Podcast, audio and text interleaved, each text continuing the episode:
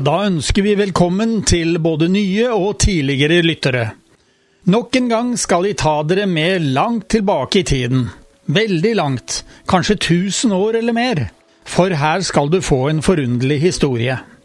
For vår historie handler om å få ut saltet i sjøvannet i Oslofjorden, slik at det kunne brukes i husholdningen.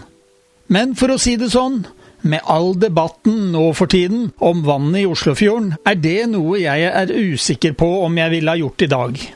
For 1000 år siden var det fullt mulig, og ikke minst var det en viktig attåtnæring for gårdene, annet her i Asker. Dessuten skal vi vandre på den gamle Saltveien og se hvor langt vi kommer. For den veien saltet ble fraktet var lang, og alt dette skal vi få høre mer om. Ja,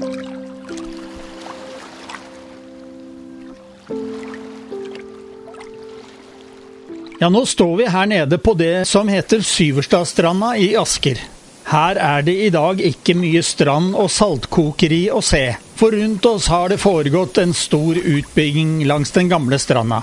Dessuten, og det må vi merke oss, så sto sjøen 3,3 meter høyere på 1300-tallet enn i dag. Landet har hevet seg mye etter istiden.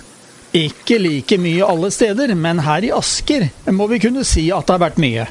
I dag kan vi faktisk finne en tidligere strand oppi skråningen over Semsvannet, opp mot Skaugumåsen. Og da er vi nesten 200 meter over havet.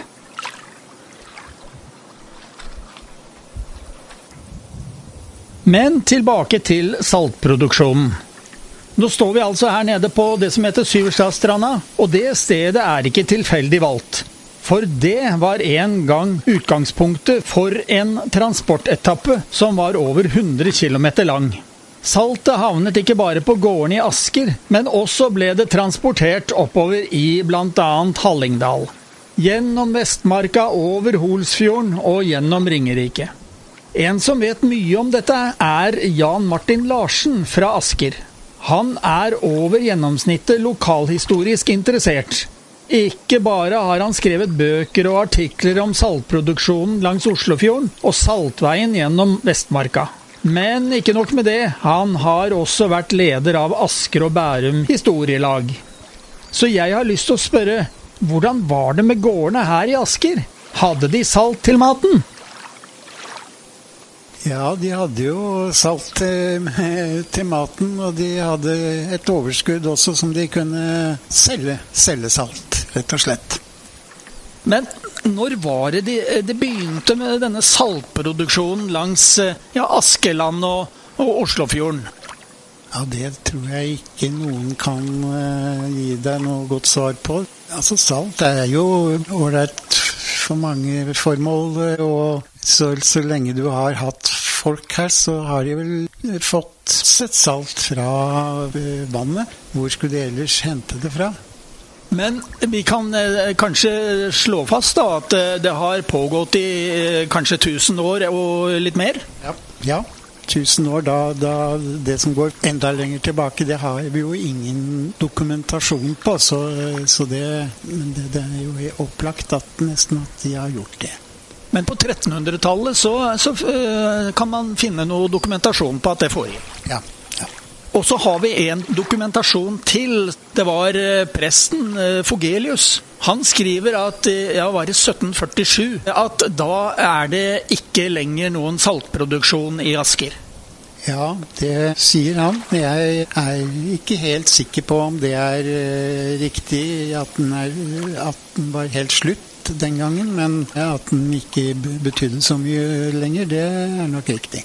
Vi hadde riktignok noen nødsår under siste del av napoleonskrigene. Og eh, ja, alle husker jo Terje Viken og hans bragd. Men eh, da fikk jo, eh, etter det du sier bl.a., at saltproduksjonen fikk en oppsving igjen.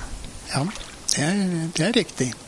Som så mange gårder var det vel dyrking av korn som var hovednæringen på gårdene. Her i Asker så var det også kalkproduksjon. Eh, byggingen av eh, Akershus festning har jeg merket meg. Men var saltproduksjonen viktig? For å spørre på kanskje en annen måte, var det stor produksjon? Ja, det var det, det Når du setter stor der eh, Det er klart at eh, hvis man sammenligner med, med forbruk av salt i dag, så er det jo ikke noen stor produksjon for det. Men det er fordi det er mye mindre mennesker hvis det er sånn. Så den enkelte husstand eh, hadde nok eh, salt for eget bruk, men også sikkert til, til andre steder innover i landet. Så, så der var saltproduksjonen Hvis du ikke skal liksom bruke dagens kroner og øre, så var det en stor virksomhet. Men her i Asker eh, så har jeg notert meg at eh, det var snakk om 18 tonn i året. Ja, ja. Og det er bare den delen som gikk til myndighetene i skatteinnkreving. Ja, ja. Så selve produksjonen eh, må jo ha vært vesentlig større. Ja, Men den får vi aldri vite. Men det var jo nå ikke bare Asker som drev med dette her. Alle mm, kommunene langs Oslofjorden? Ja, ja. Absolutt. Ikke bare Oslofjorden, selvfølgelig, men eh, ja, rundt stranda hele veien. Men selv om vi nå står i nærheten av det som eh, var saltbua på Syverstadstranda, så, så var det visst ikke bare Syverstad gård som drev denne produksjonen her? Nei, det var eh, en stor del av, gårdene da, som var engasjert i det.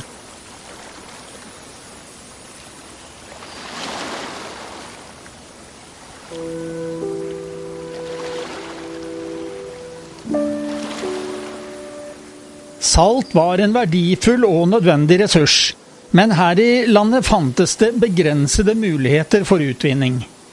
Vi kan se litt til Italia og Toskana, og den innovative folkegruppen etruskene som hadde befolket det området lenge før romerne kom.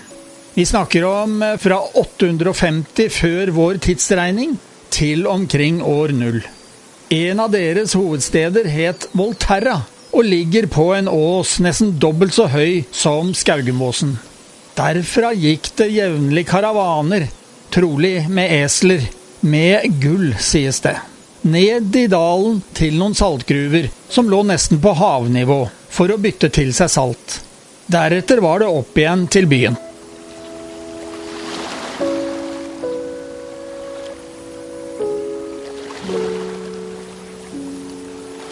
Du Jan eh, Martin, hva var det for noe eh, verdifullt som hallingene hadde å bytte til salt? For dette saltet havnet jo helt oppe i Hallingdal.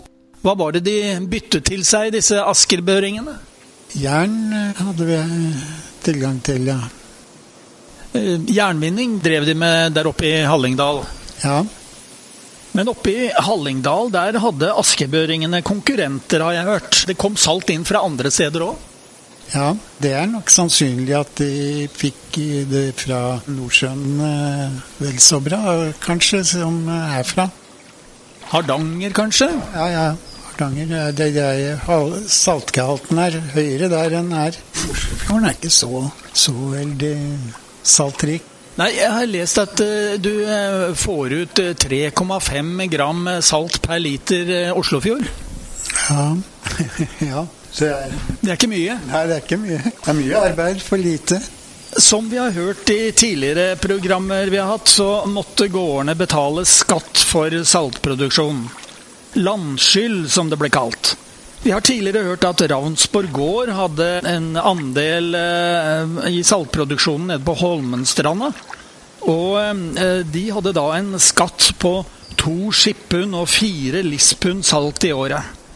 Det høres ikke akkurat mye ut, men i dagens vektbenevnelser så utgjorde det rundt 344 eh, kilo salt per år. Så hvordan var eh, landskylden, eller rettere sagt eh, saltskylden her i Asker total? Altså På 1600-tallet så var det altså en samlet saltskyld på 18 000 kilo i 1677. Men det er da utregnet fordi at gårdene hadde en saltsky, altså det er skatt, eh, skatteskyld. Men jeg ser i, i, noen notater du har gjort der, så, så var det altså eh, omtrent eh, 95% av gårdene her i Asker som var involvert i denne virksomheten. Ja, det var, eh, det var nesten hele bygda. Men du kan si bygda var ikke stor på den tida? Eh, nei, nei, det, det var den ikke. Men, eh, men ja, jo, den var stor, like stor i areal som Men det var ikke mange mennesker?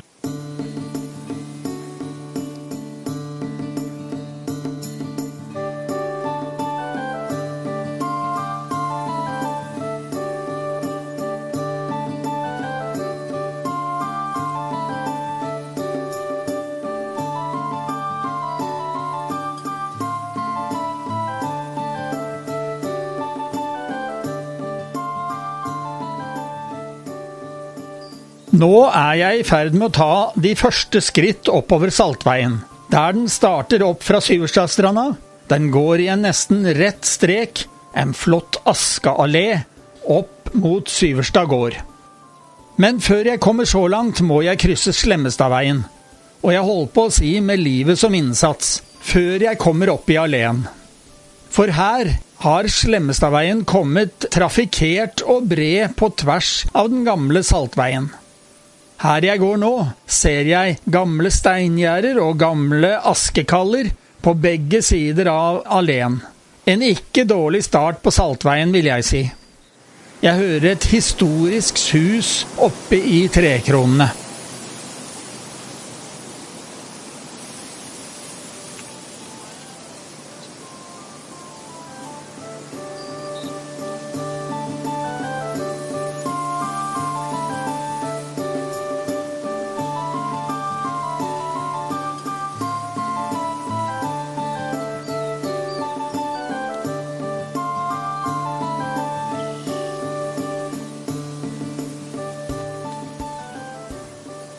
Nå har jeg kommet opp på tunet til Syverstad gård, og har tilbakelagt den første kilometeren på Saltveien.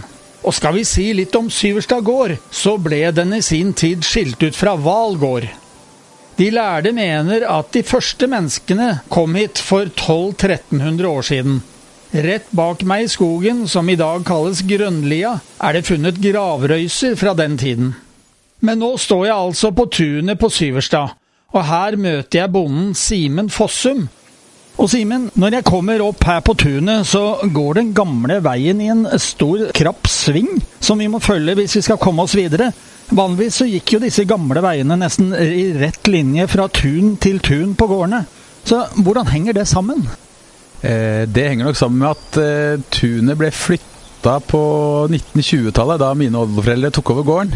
Så de eh, bygde nye bygninger med nytt tun, som gjorde at svinget, altså veien måtte ta en sving for å komme inn til det nye tunet. Du kan se fortsatt spor av den gamle veien som går gjennom det gamle tunet på baksiden av hovedbygningen, da, som går videre da, nedover mot sjøen. Ja, da forstår jeg det mye bedre. Så da gikk den faktisk i rett linje, da. Det kan virke som den gikk ganske rett linje, det gjør det. Men det var det ikke bare salt som kom langs denne veien. Eh, jeg har fått med meg at det var en hovedvei fra Syverstadstranda for de fleste som reiste fra Kristiania og vestover eller sørover før Kongeveien kom. Biskoper og litt av hvert, eh, var det ikke det? Jo, det er det jeg har hørt også, at det var eh, skyssvei for fintfolk og eh, kirkelige som kom og skulle fra Oslo via Asker og kanskje innover mot Kongsberg og videre den veien. Og sikkert rundt omkring og samle inn kollekt, da. Men da din familie tok over her, så, så var det ikke noe mer saltproduksjon? Nei, da var det vel slutt for, eh, for noen år siden da. Det var vel eh, akkurat slutt på isproduksjonen, vel, men salt var en stund siden da, ja.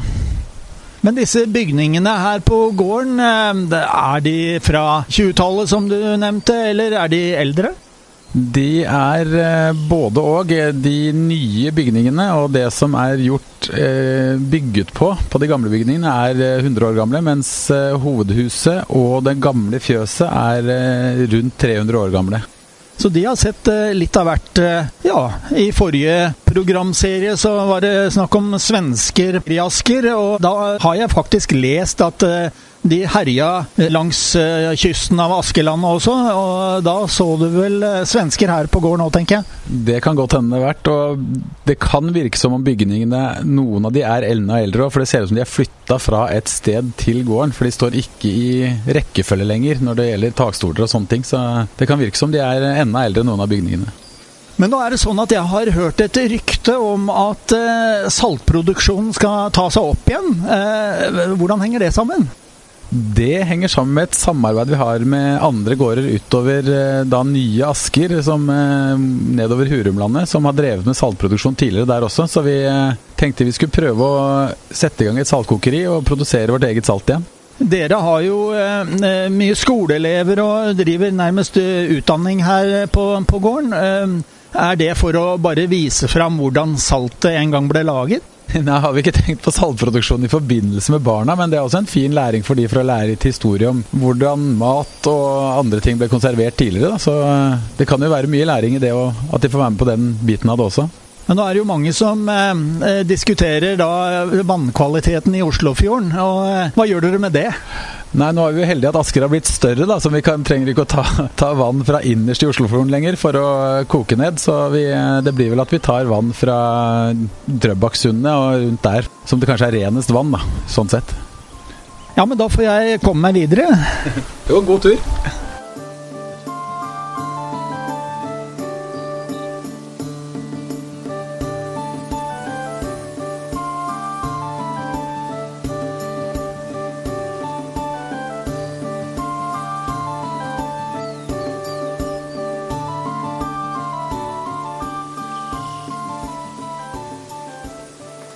Vel, da sier vi farvel til Simen på Syverstad og legger i vei på den godt over 100 km lange Saltveien. Så vidt jeg har fått med meg, går første etappe fra Syverstad opp til Vakås. Der gikk det en viktig oldtidsvei. Vi vandrer oppover med freidig mot, og nå går vi oppover i Asker oppover mot Vakås.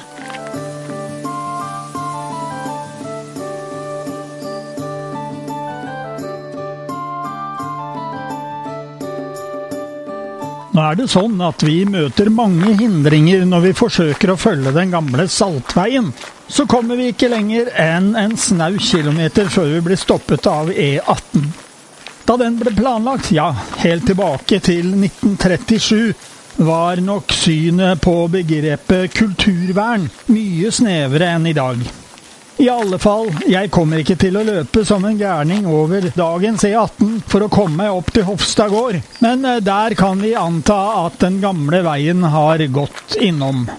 Så det betyr at jeg i stedet må ta hele omveien rundt over broa ved Hofstad skole og gå tilbake, slik at jeg kommer inn på tråkket der vi antar det gamle veifaret har gått.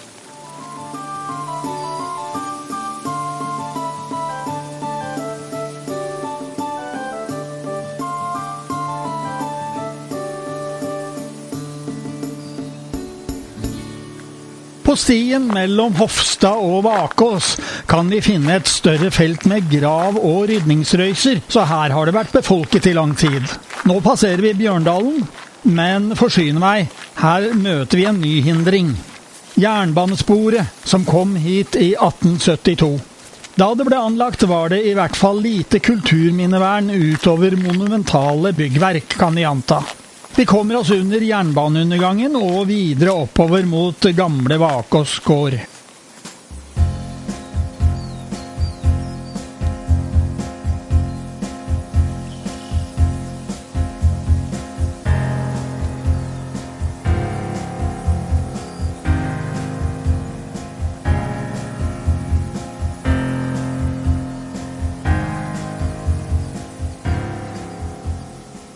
Nå begynner vi å nærme oss der Vakås gård lå.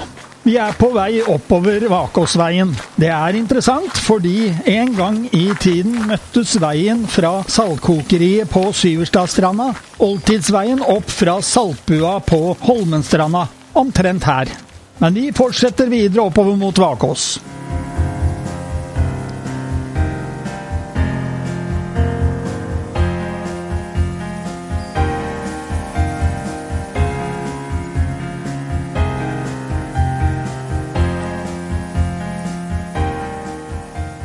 Da har vi gått langs den gamle oldtidsveien, dvs. Si der vi mener den har gått, og kommet oss opp til Bakås, og det området som i dag heter Leikarvollen. Bakås var en gammel gård. Det snakkes om at den var ryddet i yngre jernalder. altså kanskje hundreårene før vikingtiden. Noen mener at navnet har kommet fra Vaktås. På den tiden hadde man nok god oversikt fra dette stedet. Og gården var stor. Riktignok lå den høyt oppe i Asker, men strakte seg likevel helt ned til sjøen, og hadde strandlinje. For det var verdifullt. Ifølge gamle skattelister hadde de en andel av saltkokeriet på Syverstadstranda, der vi startet vår vandring. Men hvis vi ønsket å kikke innom gamle Vakås gård i dag, så er vi rundt 200 år for sent ute. Allerede på begynnelsen av 1800-tallet meldes det om at jorden på gården hadde ligget brakk lenge. Så da ble gården kort og godt lagt innunder Asker prestegård.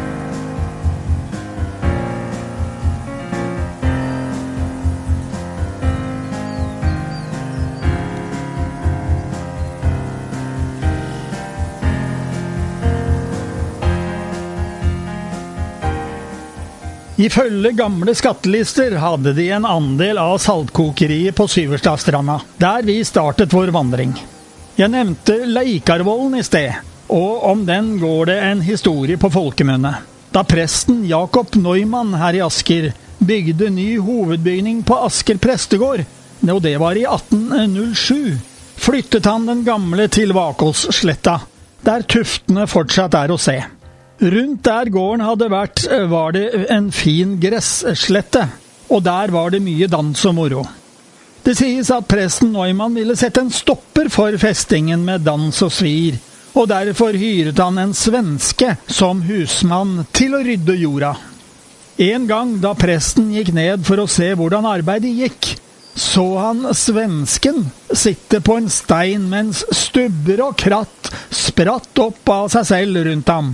Da forsto alle at svensken som presten hadde hyrt inn til arbeidet, var fanden selv.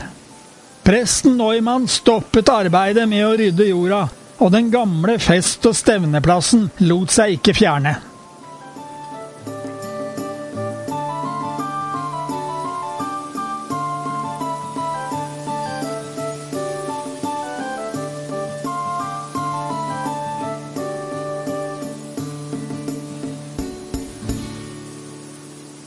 Og før vi drar videre, så kan vi snakke litt om kvaliteten på det saltet som vi fikk fra Oslofjorden. Som Jan Martin Larsen nevnte, var saltgehalten i sjøvann på Vestlandet, altså fra Nordsjøen, høyere enn i Oslofjorden. Altså trengte man færre liter sjøvann og mindre ved for å få vannet til å fordampe. For å få ut samme mengde salt som fra saltkokeriene rundt Oslofjorden.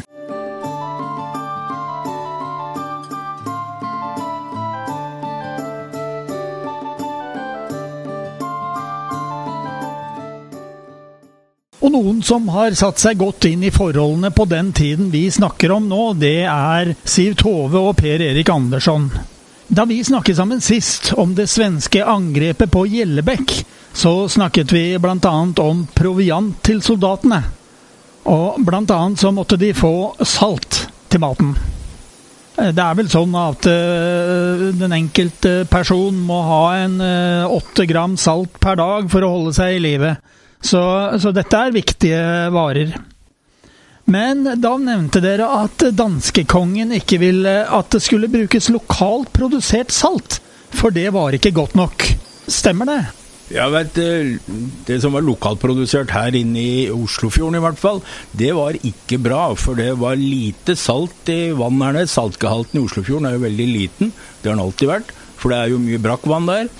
Og så er det ikke bare det, men det er hvor reint er det vannet som du tar salt ut av. De tok jo opp vann og kokte i svære gryter, for her var det ikke snakk om at sola kunne tørke ut saltet, så de måtte fyre under. Svære saltpanner. Og er det dårlige produktet med vannet og forurensa vann Det var jo ikke noe kloakk den gangen, men det var jo andre ting, humus i det. Og da blei saltet deretter. Og det smakte nok salt av det, men det var ikke pent å se på. Og kan du i hvert fall på kongens bord, så skal du nok fisken være hvit og fin når det er hvitfisk, i hvert fall. Og da skal du ikke ha noe møkkete salt i det, veit du. Men det som gikk til soldatbruk, det var nok De tok nok det de fikk Og det var jo sånn at hver mann der de kokkelerte for seg sjøl og fikk en rasjon som skulle holde så og så mange dager. Blant annet så veit vi på de svenske så hadde de jo egen saltpung, det fulgte med. Og da er veien veldig kort å tro at det hadde nordmennene omtrent det samme. Så det var eh, hver enkelt soldat hadde det? Ja, de hadde en, det veit de. for Svenskene de har veldig god greie på hva de hadde den gangen de begynte med enhetsuniform på 1700-tallet, tidlig der. Og der var det faktisk at hver mann hadde sin saltrasjon i en egen pung. Eh, det veit vi, for det har de eh, gjenlevninger av på museum der borte. Og da hadde vel de norske antagelig salt på samme måten. Men si Tove, du nevnte for meg sist at du hadde laget eh, en suppe. Eller jeg holdt på å si betasuppe, ja, men det var en suppe som var etter oppskrift fra 1716. Eller der omkring. Og den sa du til meg den, den smakte jo ikke noe særlig. Nei, det, altså jeg tok jo lettsalta svineknoke da, som utgangspunkt, og så hadde jeg jo lagt i vann uh, erter. Og så det, Poteter var jo ikke på den tida, og, og dette blei jo kokt i hopus. Og, og det, det, morsomme for oss i vår tid er jo det at de hadde faktisk en del krydder rundt omkring på, på, på festningene. For da hadde jo Ostindiafarten starta da på 1600-tallet. Sånn at det var mye De brukte sennep, og de brukte pepper. Og, og blanda inn. Men det jeg har gjort, er jo at jeg har tatt kanskje litt karvekål eller eller organ oregano. Jeg har brukt sånne naturlige ting, da. Og det har jo folk brukt til alle tider.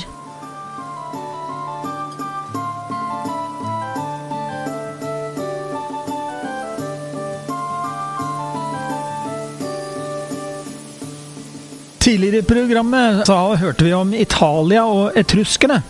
Og der hadde de lange karavaner med esler som fraktet salt fra gruvene nede i dalen til eh, byen. Men askerbøringene de, de fraktet en, del, en, god del av sitt salt opp i, gjennom Vestmarka. Men Per Erik, hvordan, eh, hvordan var det den frakten ble foretatt? Ja, åssen foretrakk de den gangen? Det var jo ikke noe veier og hjulkjøretøyer, fantes jo ikke, for det var ikke noe sted å kjøre på. Så den som har vært litt borti hest og trafikk, veit jo det at det blei brukt sleip. Det husker vi vel fra vi har sett indianerfilmer, det at de hadde sleip etter hestene. Og det er slett ikke ille på sommersføre. For da, da fjærer de der lange stengene som ligger over hesteryggen, og så er det bare enden på dem som subber ned i bakken. Så det går ganske bra, og du kan få et brukbart lass. Men den meste transporten gikk vel egentlig om vinteren når det var oppkjørte veier. Da kunne du kjøre ordentlig slealass, og du fikk med deg noen tønner av ditt og datt på sleden. Og det var vel sikkert, helt sikkert er det faktisk at det meste trafikken innenlands, den foregikk på, på vinteren. Og da var det fint. Vel, du hadde båt om, om, sommeren, men om vinteren så gikk det jo fint på isen med sleda. Kunne du kjøre svære lass. Og det veit vi fra Sylling og oppover, så gikk det jo vintervei på isen. Ja, Vi snakket sist om, eh, om svenske dragoner som eh, hadde som plan å falle Gjellebekk i ryggen. Eh, og da skulle de haste over isen på Holsfjorden og, og inn ved, ved Tranby. Ja, de kom skulle da komme De var jo på Nordrov, og da lå jo isen faktisk bra. Du, og det, det var jo kaldt om vinteren i gamle dager, ikke sånn som nå at det er badetemperatur midt på vinteren. Men da kunne du ri fint på isen nedover, og så over Vi kom inn ved Svangstrand i Sylling, og så kunne du komme inn bakveien der. Uh, og Det var den militære delen av, av, saken, men vi må jo tro det at uh, trafikken i det sivile, når det ikke var krig, så gikk de der hvor det var lettvint. Og da er det vel ikke noe sted som det er lettvint enn å kjøre på blank is med litt snø oppå. Jeg tenker på I gamle dager så, så var det sånn at elver og vann de bandt. Nå deler det jo, så vi må ha bru og vi må ha vei og kjøre rundt. Men den gangen det var kalde, ordentlige vintre, så, så var jo det som var fremkomststedene. Men et stikkord her, eh, Per Erik, det var at uh, man uh, dro det på slep. Og uh, er det derfor vi har det som vi da, i dag kaller viktige handelsårer over Hardangervidda for nordmannsslepa, f.eks.? Ja, det er ikke noe tvil om det. Dette her kom jo helt ifra gammelt av, når de skulle ha med seg mer enn det de klarte å bære, eller etter hvert hesten kunne kløve med hesten. Så var det å ha et sleip over, som vi kaller et slep, da. Og derfor så er det blitt, som vi heter f.eks. nordmannsslepa, det er vel den som er mest kjent her på sørlige delen av Norge, men sånne var det overalt der hvor de skulle krysse noe særlig. Og, og, det gikk på et slep, og det gikk det går, Jeg har brukt det sjøl, og det går faktisk ganske bra på tørt føre. Det går bedre det enn en vanlig slede, for den vil stumpe og humpe, men et sånt slep, den, det kan en bare prøve sjøl, og så dra en kjepp etter og se hvor fint han går i terrenget.